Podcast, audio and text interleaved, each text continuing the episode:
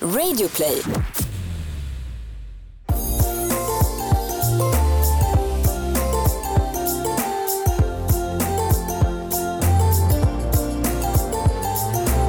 Hej och välkomna till ett nytt avsnitt av Bakom varumärket med oss Jessica Morales. Och jag Jenny Kaiser. Då var det måndag igen hörru. Ja, du, jag höll nästan på att säga att med mig Jessica Morales. Ja, det verkar Du är jättekonstigt. Ja, det vore faktiskt jättekonstigt. Du, eh, hur var helgen? Helgen var strålande. Ja. Din? Ja, bra faktiskt måste jag säga. Ja. Fast nu är det ännu bättre. För nu är det måndag. Ja. Och vi har en eh, extremt eh, mäktig och cool marknadsdirektör i studion denna, denna måndag. En av Sveriges mäktigaste. Exakt. Och hon sitter som ansvarig för Sveriges numera största medieägare, en av Sveriges största annonsörer och är ett riktigt telekomproffs får vi kalla henne. Ja, så varmt välkommen till studion Anne Grogulla, CMO på Telia Sverige. Tusen tack. Ja, Det är helt fantastiskt. härligt att vara här. Ja, vi är så glada, vi är så peppade. Så det känns som energin i studion är bara aldrig varit högre tror jag. Du, jag har redan sålt min väska till dig. Ja, till Jessica. Till mig. Till mig. Eller, sagt, Det är jag som ska Om Om du går härifrån och undrar vad väskan är, då vet du. Tassels. Har du haft en bra helg? Helt fantastisk. Ja. Jeg reiste til Oslo. Det gjør jeg ikke hver helg, men denne helgen gjorde jeg det. Da var det ut på byen med gamle Telekom-venninner, og det blir helt crazy. Så var det opera og ballett på lørdag, og tur i skogen på søndag. Vilken bra kombo. Altså, kan det bli bedre? Nei. Nei. Nei. Nei. Hvor ofte er du i, hemma, hemma i Norge så å si? Ja, altså, hjemme er jo Stockholm, Mm. men jeg har en hytte i Oslo, typ. Så. Vänta En- Grann. En, men- en hytte en i hytte, vad Oslo? det? Ja, altså hytte er jo liksom Jeg har en, en, jeg har en liten legenhet i Oslo. Ja, en liten vindsvåning i Oslo. Det här är, förlåt nu blir det lite, en liten eh, abrovink här. Men för mig har alltid hytte varit Ja. det här lilla, Ja, Alle nordmenn har hytte oppe i bergen, höll på Ja. kullene. Ja. det er egentlig det vi mener også. Men jeg har det Jeg bor i Stockholm, men jeg savnet litt å være hjemme når jeg var i Oslo. En gang i måneden. Men plutselig så er det et eller annet, vet du, en fest eller et eller annet, og da er det lett å si 'jeg kommer'. Ja. Men ah, ja. jag tänker att vi börjar lite grann då. För, att, eh, för alla oss som inte känner dig så vill man ju få lite bakgrund kring det. Så kan du börja berätta lite grann vem du är, din bakgrund, intresse. Och, ja, berätta fritt. Vem är Ja, du? Hvor lang tid har da? Ja, vi, vi säger stopp. Nej, ta, ta, ta några minuter på dig. Ja. Ja, jeg har vært i og jobbet for Telia i Sverige i fire og et halvt år. Da ble jeg det som man sier headhunted. Det er man jo alltid litt stolt av. Ja, blir. verkligen, verkligen. Og da var jeg eh, globalt ansvarlig for merkevaren Telenor, og satt i Oslo. För de har huvudkontoret i Oslo. Ja, det stemmer. Og der hadde jeg jobbet eh, globalt, og globalt i Telenor er faktisk ganske mm, veldig mye Asien, og jobbet veldig mye der. Veldig spennende. Og der hadde jeg vært i syv år, og innan dess så holdt jeg, drev jeg eget og gjorde alt fra å sitte i styrelse til å være konsert. Jeg jobbet på London Business School og gjorde sånn marketingprogrammer. Og du jobbar på byråsiden også? Ja, det var innan dess var jeg på McCann, eller jeg var vd for noe som heter Scandinavian Design Group, og det var også fem år. Og så var det Coca-Cola innan dess, for tolv land, sånn Kasakhstan og Moldava og sånn coleland. Oj! Men min første riktige jobb, den var jo faktisk her i Stockholm. Da ble jeg trainee på Unilever, og eh, så var jeg her kanskje bare ni måneder, og jeg har nemlig bodd lenge i Tyskland. Jeg har bodd 13 år i Tyskland. Jeg har studert der, og, og jeg kjente at nå hadde Berlinmuren falt. Og så kjente jeg den gangen, oi, skal jeg si det, at jeg kom til en sånn utpost i verden. Jaha. Og jeg bare kjente at jeg måtte tilbake til Europa. Berätta, hva, hva var det som karakteriserte den känslan? Nei, jeg følte Altså, da hadde jeg vært student nede i Tyskland, i Syd-Tyskland. Og man endte jo opp i Paris på etterfester og litt sånn. Jeg var så vant til det. Og så flyttet jeg hit, og så bare følte jeg at jeg, var, at jeg tenkte at jeg skulle komme hjem, og så var det jo ikke det. Det var et annet land. Og jeg savnet Europa, og eh, kanskje særlig det at Berlinmuren hadde falt. Eh, og det var så spennende å være der hvor det skjedde. Kan tenke meg det. Så da flyttet jeg til Hamburg. Og der ble jeg i syv år. Spännande. Spännande. Du, vi hade Cecilia Kocken från Arla här eh, i programmet tidigare och lite likheter. er att Du har ju varit verksam i framfor framförallt väldigt stora företag. Ja. Har det varit en självklarhet, en drivkraft eller hur har det blivit så? Nei, på ingen måte. Altså, når jeg, jeg leser til siviløkonom i Tyskland, eller diplom Kaufmann som det heter, og mens jeg gjorde det, så jobbet jeg bl.a. på Brindfors i Düsseldorf. Så jeg hadde jobb på Brindfors i Stockholm. Um, og jeg var opptatt av én ting den gangen, og det var at jeg ville lære. Jeg ville fortsette å lære, lære, lære. Og jeg ville ha et trainee-program av Brindfors, og det fikk jeg ikke. Eller de var så trege. og da var, var det en Their mistake. og da var det en annons fra Unilever om å bli trainee, så det er helt tilfeldig at jeg søkte det. Og det er jo noe sånt at når du kommer inn på de store bolagene, så er det veldig lett å komme inn på neste store bolag. Altså det er jo helt mye at du kjenner mennesker, og du får et slags stempel at du kan det. Just Mm, navigera. mycket, precis, navigera i stora Ja. organisationer, politik och... Ja. Men det tenkte jeg inte på den Nej, gangen, för det visste jag inte om. Men i dag så vet jeg det. Ja. Altså det å navigere er jo helt avgjørende. Men du, du har ju gjort du gör något annat på sidan av som vi pratade om här lite inledningsvis också, som vi måste få höra mer om. Att du är författare också. Ja. Vad skriver du för Ja, någonting? Vad får man inte missa? Jeg har utgitt en roman som heter 'Sommerfuglringen', eller 'Fjærilsringen', ville den hett hvis den var på svensk, men den er kun på norsk. Eh, og den handler om diamantsmugling i Kenya, kjærlek, valg i livet. Og når jeg var 50, så bestemte jeg meg for at nå måtte jeg gjøre to ting som jeg alltid hadde tenkt å gjøre. Og det ene var å skrive en roman, og det andre var å hoppe i fallskjerm. og Förlåt men du er jo for herlig! og det er fantastisk å hoppe i fallskjerm. ja. Og da gjorde jeg det, men det tok jo lang tid, for jeg skrev denne boken ved siden om. og så Var kom ideen ifrån? Hva kom kom själva ifra? Nei, det er det som er så herlig, for jeg hadde egentlig tenkt å skrive en annen story. Og så setter man seg ned og skriver, og så skjer det noe. Og så vet man jo det at alt det man skriver, man har det jo inni seg. Det betyr ikke at man har opplevd alt. Mange har spurt om det. Men jeg vet hvor det kommer fra. Så historien handler egentlig litt om min tante som flyttet til Kenya i 1969 og ble sjef på et barnehjem i Nairobi. Um, og eh, figuren det handler om er navnet til min mormor, som var hennes mamma også. Og jeg har vært på det barnehjemmet flere ganger og intervjuet, og jeg visste jo mye om det fra tante Else. Men det er jo ikke hennes liv, for da skjer det ting der. der. ja, Så- det så det en som- mellom, mellom eh, mellan någon slags sanningshalt og eh, fiction og fantasi får det bli. Ja, jeg tror det er sånn, ja. For det, og så blir det liksom egne figurer. Og nå, faktisk forrige helg, så ble jeg klar med å skrive oppfølgeren. Oi! Så det har jo tatt tre år, det også. Og så har jeg skrevet en liten bok som, om å ha brystcancer. For det fikk jeg her i Stockholm. Jaha, oi da. Mm. Og er du, eh, liksom, Hvordan håndterer man en sånn kris i livet? Får jeg fråga det? Absolutt. Det var derfor jeg skrev det, egentlig. Altså, jeg hadde bodd i Stockholm i ni måneder. Og jeg hadde bodd i min legenhet på Østermalm i åtte dager. Og, og så kom den her diagnosen. Um, og jeg fikk jo en såkalt snill type kanser. Altså, den var, den var ikke aggressiv. Jeg, jeg så på den som en sånn stor, lat katt som lå der. Forlåt! Eh, men det ordet cancer, det gjør at man eh, automatisk tenker at man skal dø. Eh, selv om de sa, sa det veldig tydelig. Du skal ikke dø, du blir frisk. Så man får jo et sjokk. Um, Det är väl lite grann av en livskris eh, oavsett. Alltså Ja. just precis som du säger, det är noe i ordet cancer som är så pass laddat så Ja. att det skaker om verden for en. fullstendig. Og, og jeg tror at vi må komme dit at vi, at vi alle lærer oss at det er faktisk veldig ulike former for cancer.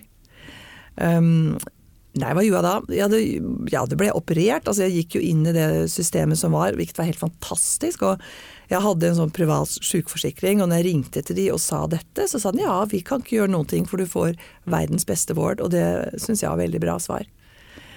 Og så ringte jeg til alle jeg kjente og sa hjelp meg. Det var stort. Var det en selvklarhet for deg? Ja. At være så transparent og och Ja, oh ja. Og hvordan kommer det seg, da? At, man vågar, att du å gjøre det? Ja, men hva er valget, liksom? Altså, det er jo ikke noe skam og, forbundet med å, å, få en sånn sykdom. Og, og, men jeg er singel og bor alene. Jeg har en, en fantastisk sønn og nå også en svigerdatter. Men det er klart at det, um, det å bo i et, et, nytt land Det er jo ikke langt til Oslo, men jeg var jo ikke hjemme. Så kjente meg, jeg meg jo litt ensom. Og, og jeg tror jo veldig mye på alternative ting. Jeg ville absolutt gå inn i å få behandlingen som jeg fikk eh, i skolemedisin, ingen tvil om det. Men hva kunne jeg gjøre selv? Altså, bare det å vite at du spiste de riktige tingene, eller jeg lærte, begynte med yoga, jeg, akupunktur Altså jeg var jo liksom 100% opptatt med å bli frisk. Mm. Jeg tenker at, at eh, uten at vi kjenner deg, eh, jeg tolker det som at det der er jo den personen du har alltid vært. Handlingskraftig, åpen, positiv i tanken osv. Eh, för att, som säger, det, är en, det är en livskris eh, och alla, det finns ingen, inget facit för hur man hanterar det utan det är ju den personen man är kommer ju fram på mm. ett starkare sätt. Och du har ju en, en attityd till livet hör vi som är fantastisk och den har säkert hjälpt dig. Ja, helt sikkert. Det er jo ikke noe jeg funderer så mye over, for det er, det er jo sånn det er. Men da for å det, var, det, er veldig vanskelig å oppdatere mennesker, sånn skal vi vite hvordan ting går, og samtidig ønsker man det. Og, eh, så da begynte jeg å skrive om det, og da skrev jeg det på engelsk fordi jeg har så mange venner som ikke kan skandinavisk. Eh, men når jeg var klar, så tenkte jeg at det hadde vært kult å gjøre noe med det. Så da sendte jeg en mail til Ariana Huffington, ja. og fikk svar. Mm -hmm. Så da blogget jeg om det i Huffington Post. Og så satte jeg det sammen som en sånn liten bok da, som er på Amazon. Takk for at du eh, vågar dela din historia. Ja. Väldigt, väldigt fint og generøst av deg. Mm. När i perioden karriärsmässigt, vart var du jobbmässigt når du fikk det her beskedet? Da hadde jeg altså flyttet til Stockholm og hadde jobbet på Telia i ni måneder. Så var det. Mm. Hur hanterade de det? Får jeg fråga det? Fantastisk. Altså Fra en dag til en annen så var jeg borte. Og jeg hadde en medarbeider, Sumit, som uh, hoppet inn og gjorde jobben. Jeg hadde andre som gikk inn og var acting-sjefer. Og, uh, og, så ringte jeg til min gode venninne Anniken som, uh, fra Norge, som kom hit og jobbet noen, noen dager. Så vi var midt inne i det å endre design på Telia og bytte navn i flere land og sånn. Så, så jeg kunne være helt off. Det här är ju, det är ju fantastiskt. Mm. Och det leder oss ganska rakt in på liksom ämnet som vi tänkte prata om idag. Eh, vi, som sagt, vi sa det tidigare, vi tänkte djupdyka i relationer och då relationer ur ett personligt perspektiv, eh, relationer på arbetsplatsen, relationer till sina kunder och även prata lite grann om relationen till så här, uppkoppling av tech i liksom större perspektiv. Och det här är ju jätteintressant. Det finns, du känner säkert till en forskare som heter Esther Forell har du hört talas om henne? Nej. Eller forskare, hon är, hon är psykoterapeut från Belgien ja. och uh, har lagt extremt mycket tid uh, och möda på att förstå relationer och hur viktig empati är liksom, mm. i dem. Och nu när jag och Jenny var på South by i Austin här för en, en månad sedan då lyssnade vi på hennes föredrag och det var så extremt uh, träffande på så många sätt. Hon var, hon, där hennes största fokus där var relasjoner på arbetsplatsen, hur viktiga mm. de är. Uh, och hur empati på arbetsplatsen är helt avgörande. Hon snackar rätt mycket om att uh, it's time to change um, focus from hard skills to soft skills och empathy is the new bottom line. Ungefär, det var det hon sa hela tiden. Och hur extremt viktigt det var att med framgångsrika relationer på jobbet är helt avgörande för hur egentligen hur framgångsrikt företaget är. Och när man hör din berättelse där då så känns det som att det ligger ganska så djupt eh, embedded, man säga, förankrat, eh, inbakat, mm. inbyggt. Mm. Inbyggt, inbyggt tack, det var många ord jag mm. försökte mig på. Eh, I kulturen på Telia. Stämmer det? Ja, altså det tror jeg nok. Jeg tror jeg vil kanskje snakke om mer sånn store bolag. For det, for det første så tror jeg jo 100% på det hun sier. Eh, og eh, jeg er også veldig opptatt av kreativitet og det å få mest mulig ut av sine medarbeidere. og Det høres ut som man skal dra de ut, men det at Altså Hvis vi tenker sånn at verden vår i dag lever av kreativitet, det er ikke knappe ressurser.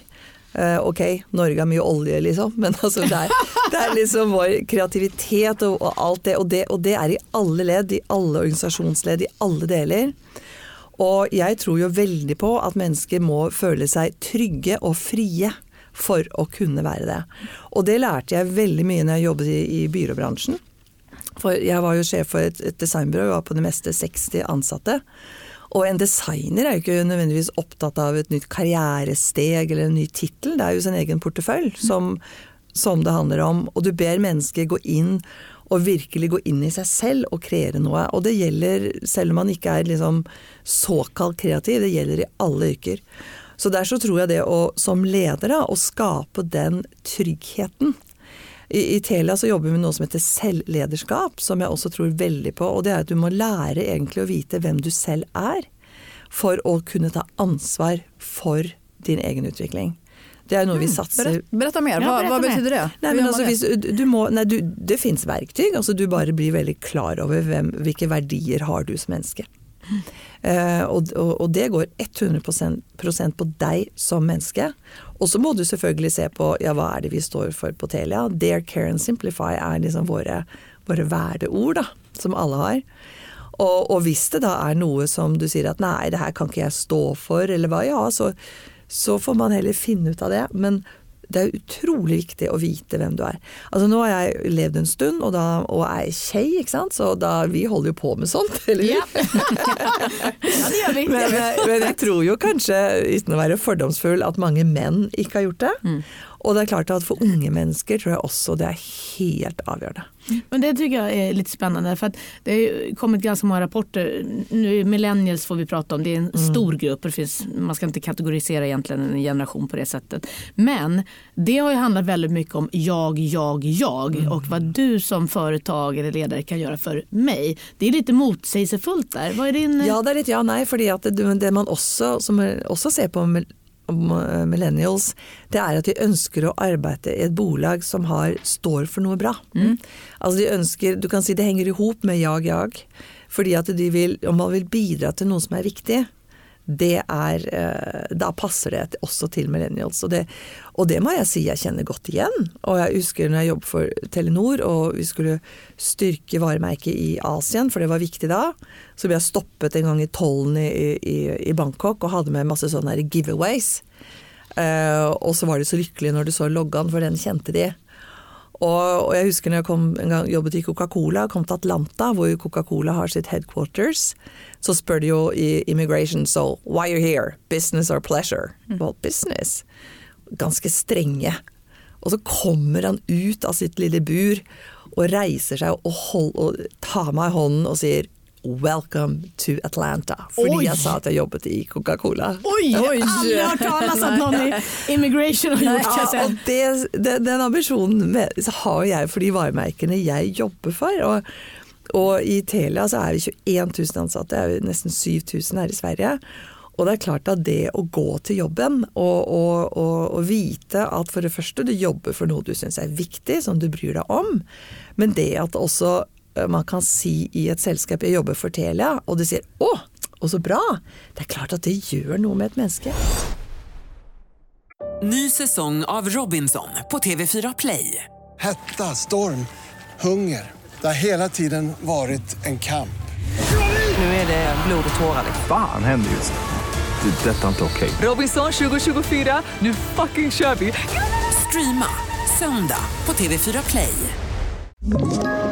Ett poddtips från Podplay. I fallen jag aldrig glömmer djupdyker Hasse Aro i arbetet bakom några av Sveriges mest uppseendeväckande brottsutredningar. Går vi in med hemlig telefonavlyssning och, och då upplever vi att vi får en total förändring av hans beteende. Vad är det som händer nu? Vem är det som läcker? Och så säger han att jag är kriminell, jag har varit kriminell i hela mitt liv men att mörda ett barn, där går min gräns. Nya säsongen av Fallen jag aldrig glömmer på Podplay. Gå tillbaka lite grann till det här med kreativitet. Mm. Vi jobbar ju på en ja. reklambyrå, jag och Jessica. Så att eh, vi både brinner för, tror på och är övertygade och har bevis för att kreativitet är avgörande för varumärken men i mm. grund och botten är det en affärsstrategisk fråga. Mm. Eh, hur skapar man ett kreativt klimat på, inom ramen för det du är ansvarig for, men også i relation til dina byråer? Mm. Altså det første er at det vet jo dere, at skal du ha en god kreativ løsning, så må strategien være soleklar.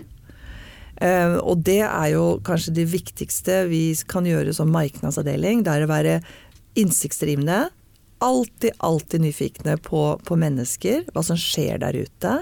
Altså vår jobb uh, i et bolag, er å bringe mennesket inn i diskusjonsbordet. Så det å liksom ha en veldig veldig sylskarp strategi Det er jo noen som tenker at å hitte på noe kul er en god brief, og det vet jo vi at det er det verste, Det er det verste det er. Det verste som finnes. Ja. Så det, det føler jeg er liksom veldig, veldig vårt ansvar. Eh, Så, og det er jo det vi gir til byråene. Men så er det jo å være veldig ydmyk for en kreativ prosess. En god idé er som en liten babys. Er det altfor mange mennesker involvert i det som ikke vet at det er en liten babys, så blir den drept. Eh, og jeg har veldig respekt for kreativitet. Um, det er ikke alltid at noen klarer å uttrykke det. Akkurat sånn det kommer til å se ut kanskje et halvt år etterpå i typen reklamefilm. Men kjenner man en nyfikenhet? Kjenner man at man blir irritert? Jeg vet f.eks. at hvis jeg får en veldig god idé presentert, så sier jeg ofte spontant nei. Ok. Og da vet jeg oi, her var det noe. Her må vi gå tilbake og se. Hva var det her?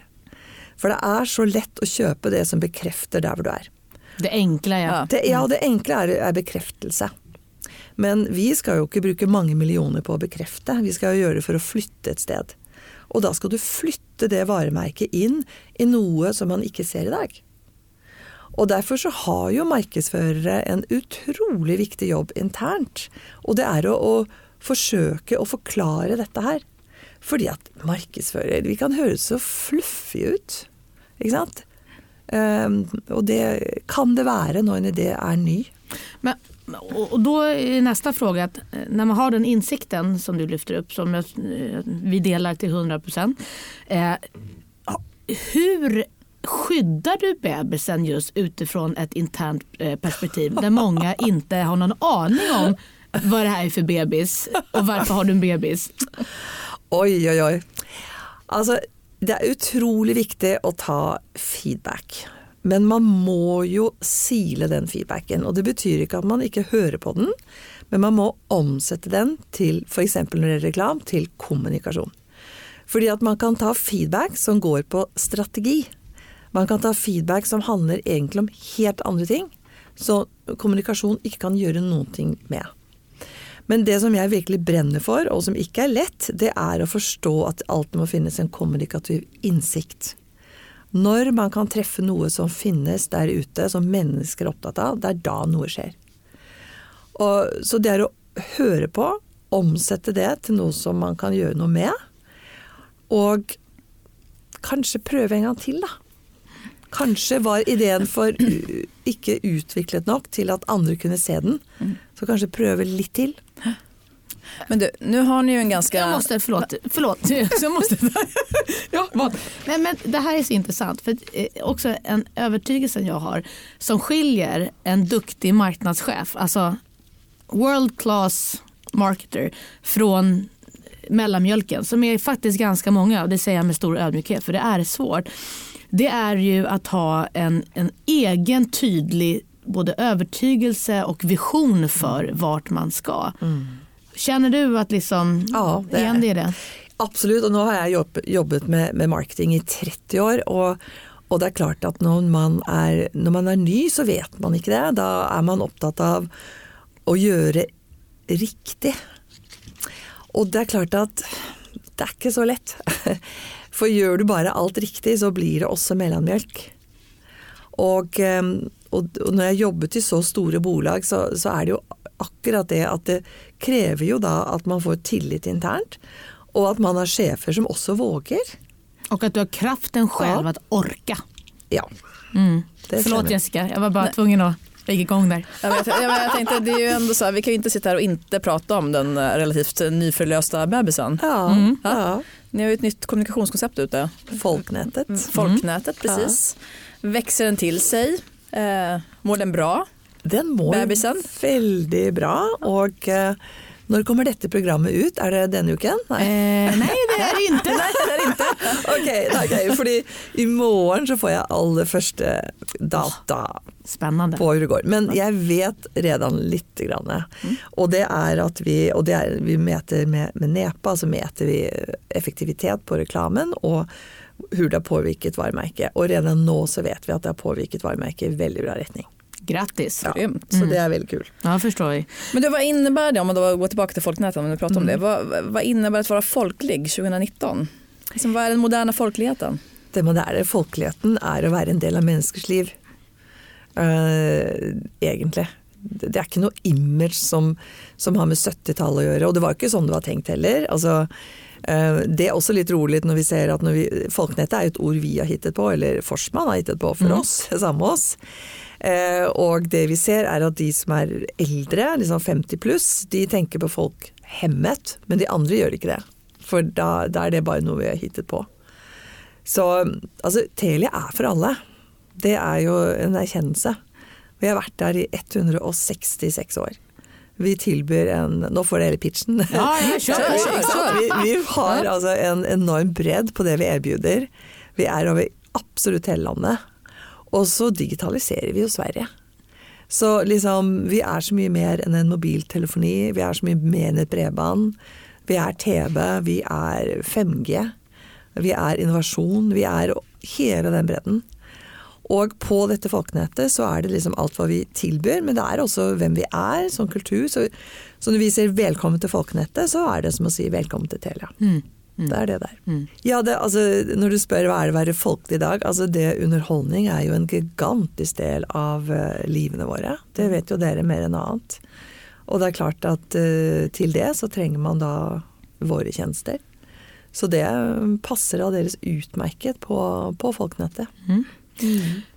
Fråga, hur, om man tittar på liksom branschen i sin helhet, om man tittar på telekom, så det är ju ändå en bransch där man har relativt svårt att bygga Ja. både kundlojalitet och kunnighet och så vidare. Så hur gör man det i, alltså, hur bygger man starka relationer när man har en intangible produkt så att säga? Ja. Produkt som man inte kan ta på. Vad Ja, är tricket för det? Ja, det jeg tror det er å ha en åsikt om ting. Altså En veldig stor del av budsjetter til alle vi som jobber i Telekom, det er jo dette her eh, det digitale, det at du er always on. ikke sant? Det er omtrent 7 av mennesker som er ute og skal interessert i å kjøpe mobiltelefon hver dag. Og det er klart at eh, da må vi være der. Det er ikke som å kjøpe melk, ikke sant. Så du må hele tiden minne på. Så det er det der automatiske som sikkert kan være størende for mange om det blir for mye av det. Så den, det er liksom én del av det. Um, og den varemerkesbyggende, den handler jo for Telekom som for alle andre, det er jo å treffe menneskers kjensler. Det er jo bare det det er. Og du kan si ja, produkten er da ikke noe du kan se på, men nå har vi jo lagt Folknettet, da. Man kan jo få et lite bilde men, men, men samtidig så er vi jo utrolig viktig i menneskers liv.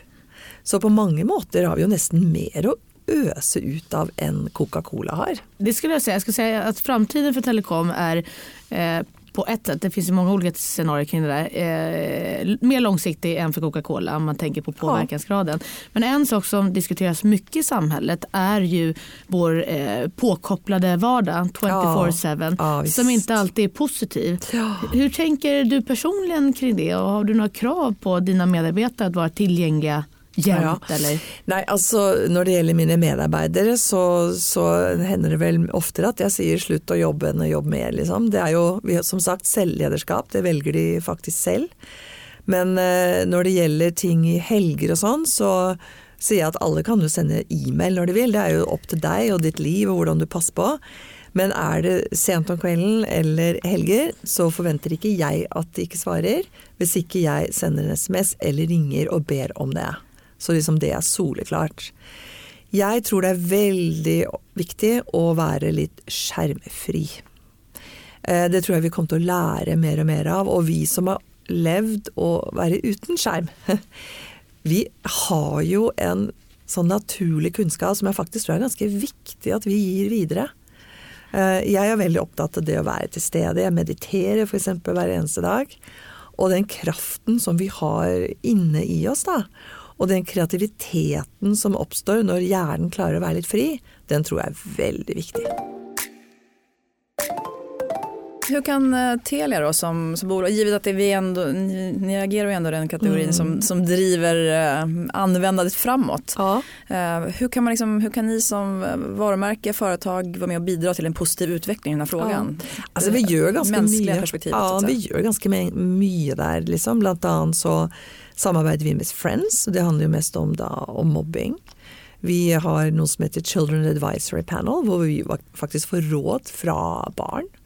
Og på bakgrunn av det hva vi gjorde i fjor, som var veldig spennende, så sier bl.a. barna at de ønsker at foreldrene er med, med de online.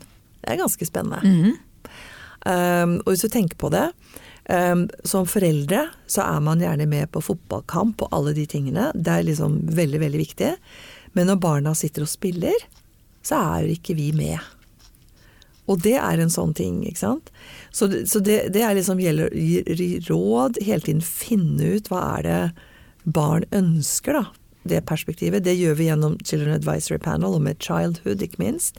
Råd med Redda Barnen og sånne ting. Så der tar vi stilling, og Genpep er også noe som vi, som vi støtter og, og sponser.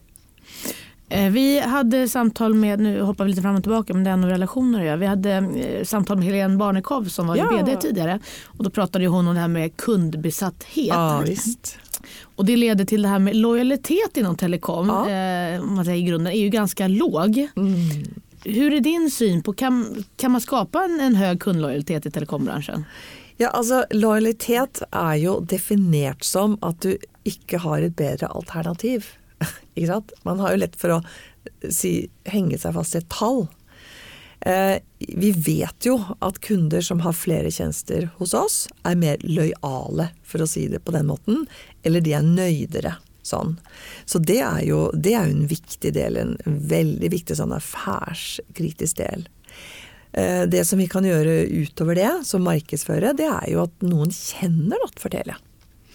Og vi meter noe som vi kaller for love brand, og det er to frågor. Det er hvor relevant er varemerket for deg, og jeg kan det bare på engelsk, how close is the brand to you? Og de dimensjonene de meter vi jo hver eneste måned. Og close er jo det emosjonelle. Der du kjenner at det er noe for meg. Og ehm, så, så det gjelder jo hele tiden jobbe med det. Altså, som markedsfører er det jo aldri klar med å forstå kunden, med å forstå markedet. Aldri noen gang. Ganske intressant där, för att eh, det, det förlåt om det blir lite mycket referenser tilbake til Southbine, South by nu men det blir så eh, Ja. påtagligt när man har liksom fått en sån dos av inspiration som skal nu räcka i ett år minst framåt. Men der var det en brittisk byrå som heter Karmarama som har släppt en eh, rapport ganska nyligen som de kallar Brand Nirvana Closing the Human Experience Gap. Wow. Ja, jätteintressant. Den finns faktiskt att ladda ner så att uh, highly recommended. Där pratar de rätt mycket om att det här med kundfokuset. Eh, Det är kundrelationer, det är kundklubbar, det är Kundresor. kundresor, det är kundsegmentering, det är kund, kund, kund i allting. Och då hävdar man rätt bestämt att om man inte vore så jävla fokuserad, förlåt nu svor jag också, men så fokuserad på K-ordet om vi får kalla det så och istället titta på så här människan bakom. Alltså man behöver prata humans istället för clients. Så här, vad skulle det få för konsekvenser? Hur kan man som varumärke bete sig mer som en, liksom en, en, en mänsklig entity? Finns det utrymme för det?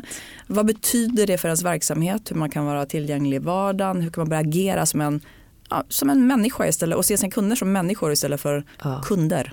Altså jeg, det er et veldig bra perspektiv. Jeg tror faktisk at du må ha begge deler. For det ene blir jo liksom I et stort bolag så har man prosesser. Man har, man har Strukturer. strukturer? Og der tenker jeg at det er veldig bra å tenke kun, faktisk.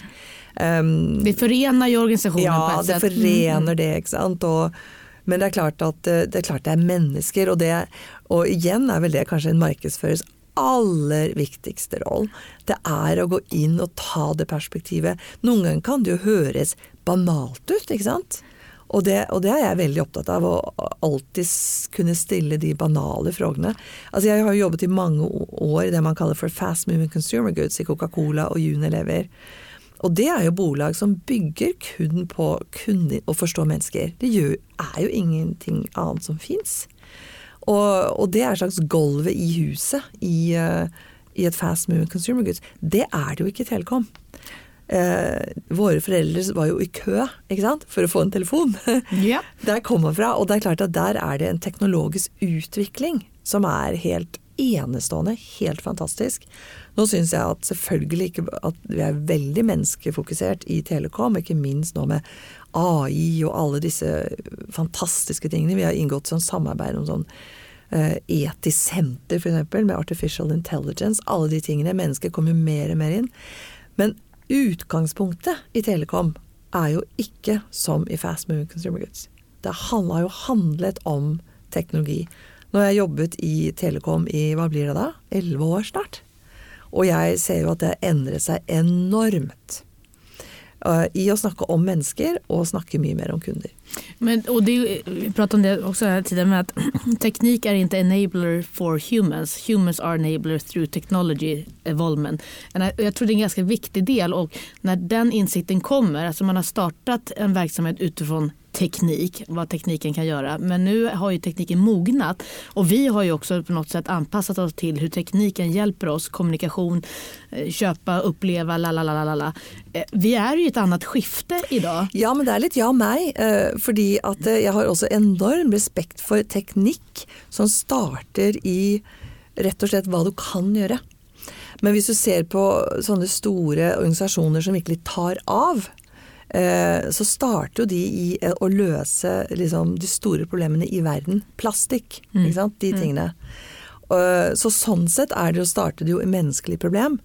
Men, men vi skal ikke Det er ikke slik så Du må ikke misforstå det at vi skal gå til teknikere for å gjøre det enkelt og si dette problemet kan du løse det. Man kan komme på noen muligheter, og så kan vi sammen finne ut hva det skal løse. Så, men, det, men det er jo at teknikken er jo avgjørende for, for verdens overlevnad, rett og slett. Ja, virkelig. Och vi är ju utifrån den kreativa förmågan att lösa. För det var ju förra året också på igen South by Mel. så länge det finns problem att lösa så har vi människor en roll att spela. Ja, helt klart. Mm. Vår kreative. Precis. Det är tur att vi har kvar det i alla fall.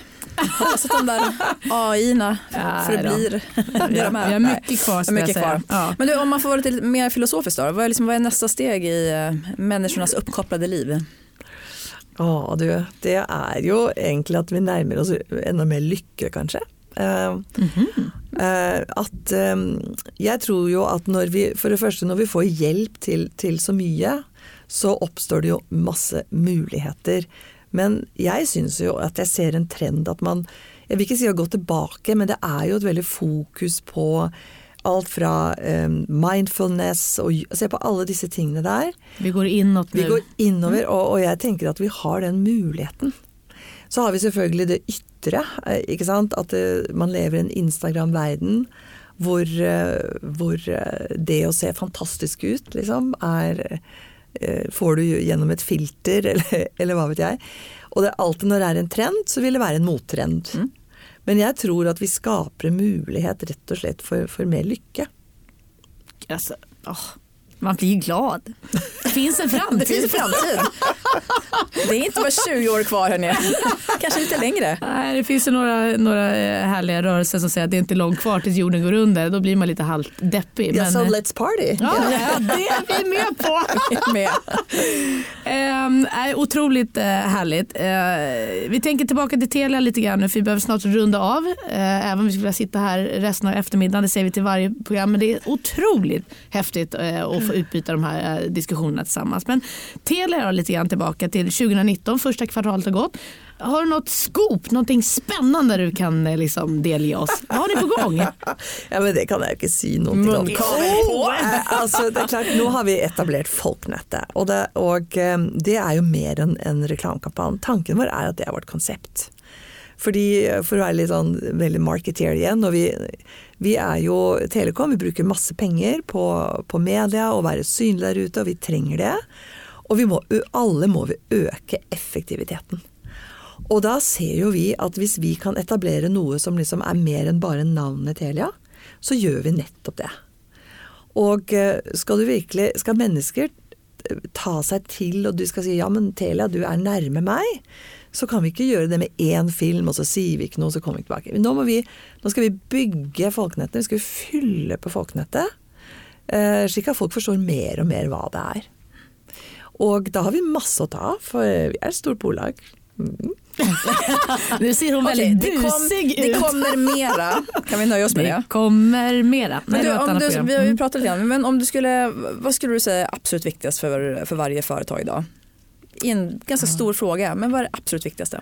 Altså, jeg tror det er å ha et stort purpose, altså være veldig tydelig på hva du ønsker å oppnå i, eh, i verden, i, i gata, det, det markedet du er i.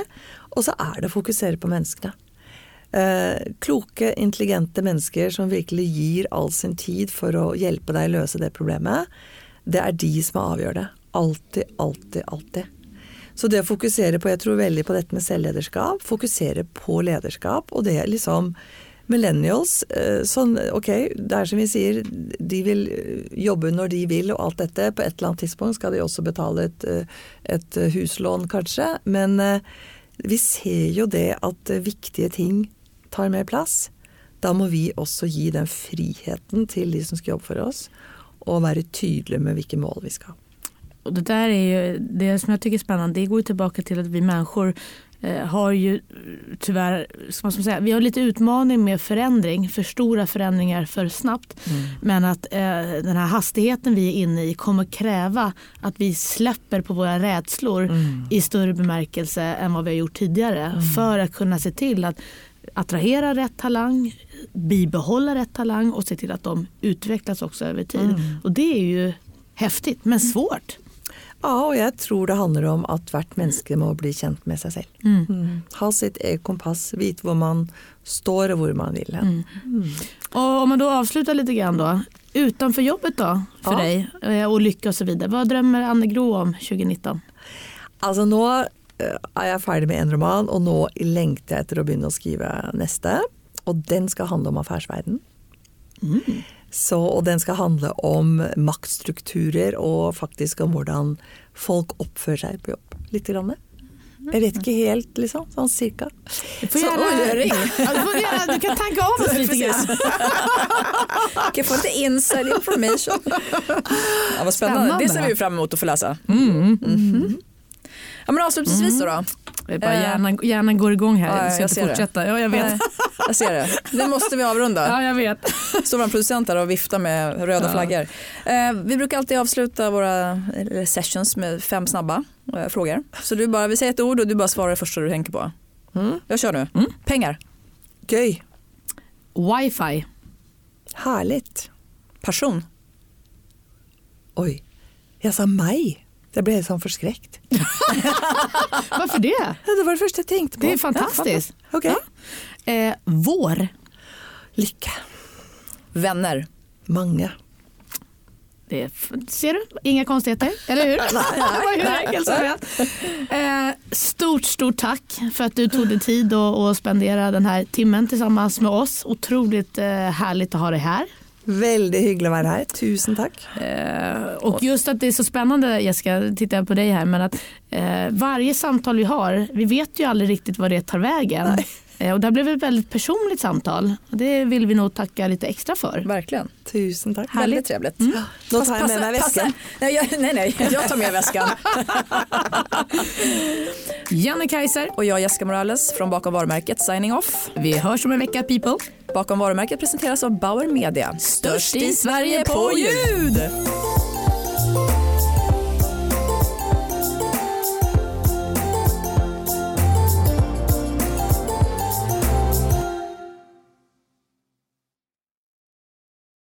Säsong av Robinson på TV4 Play. Hetta, storm, hunger. Det har hela tiden varit en kamp. Nu är det blod och tårar. Fan händer just nu. Det. är Detta är inte okej. Robinson 2024, nu fucking kör vi! Streama söndag på TV4 Play.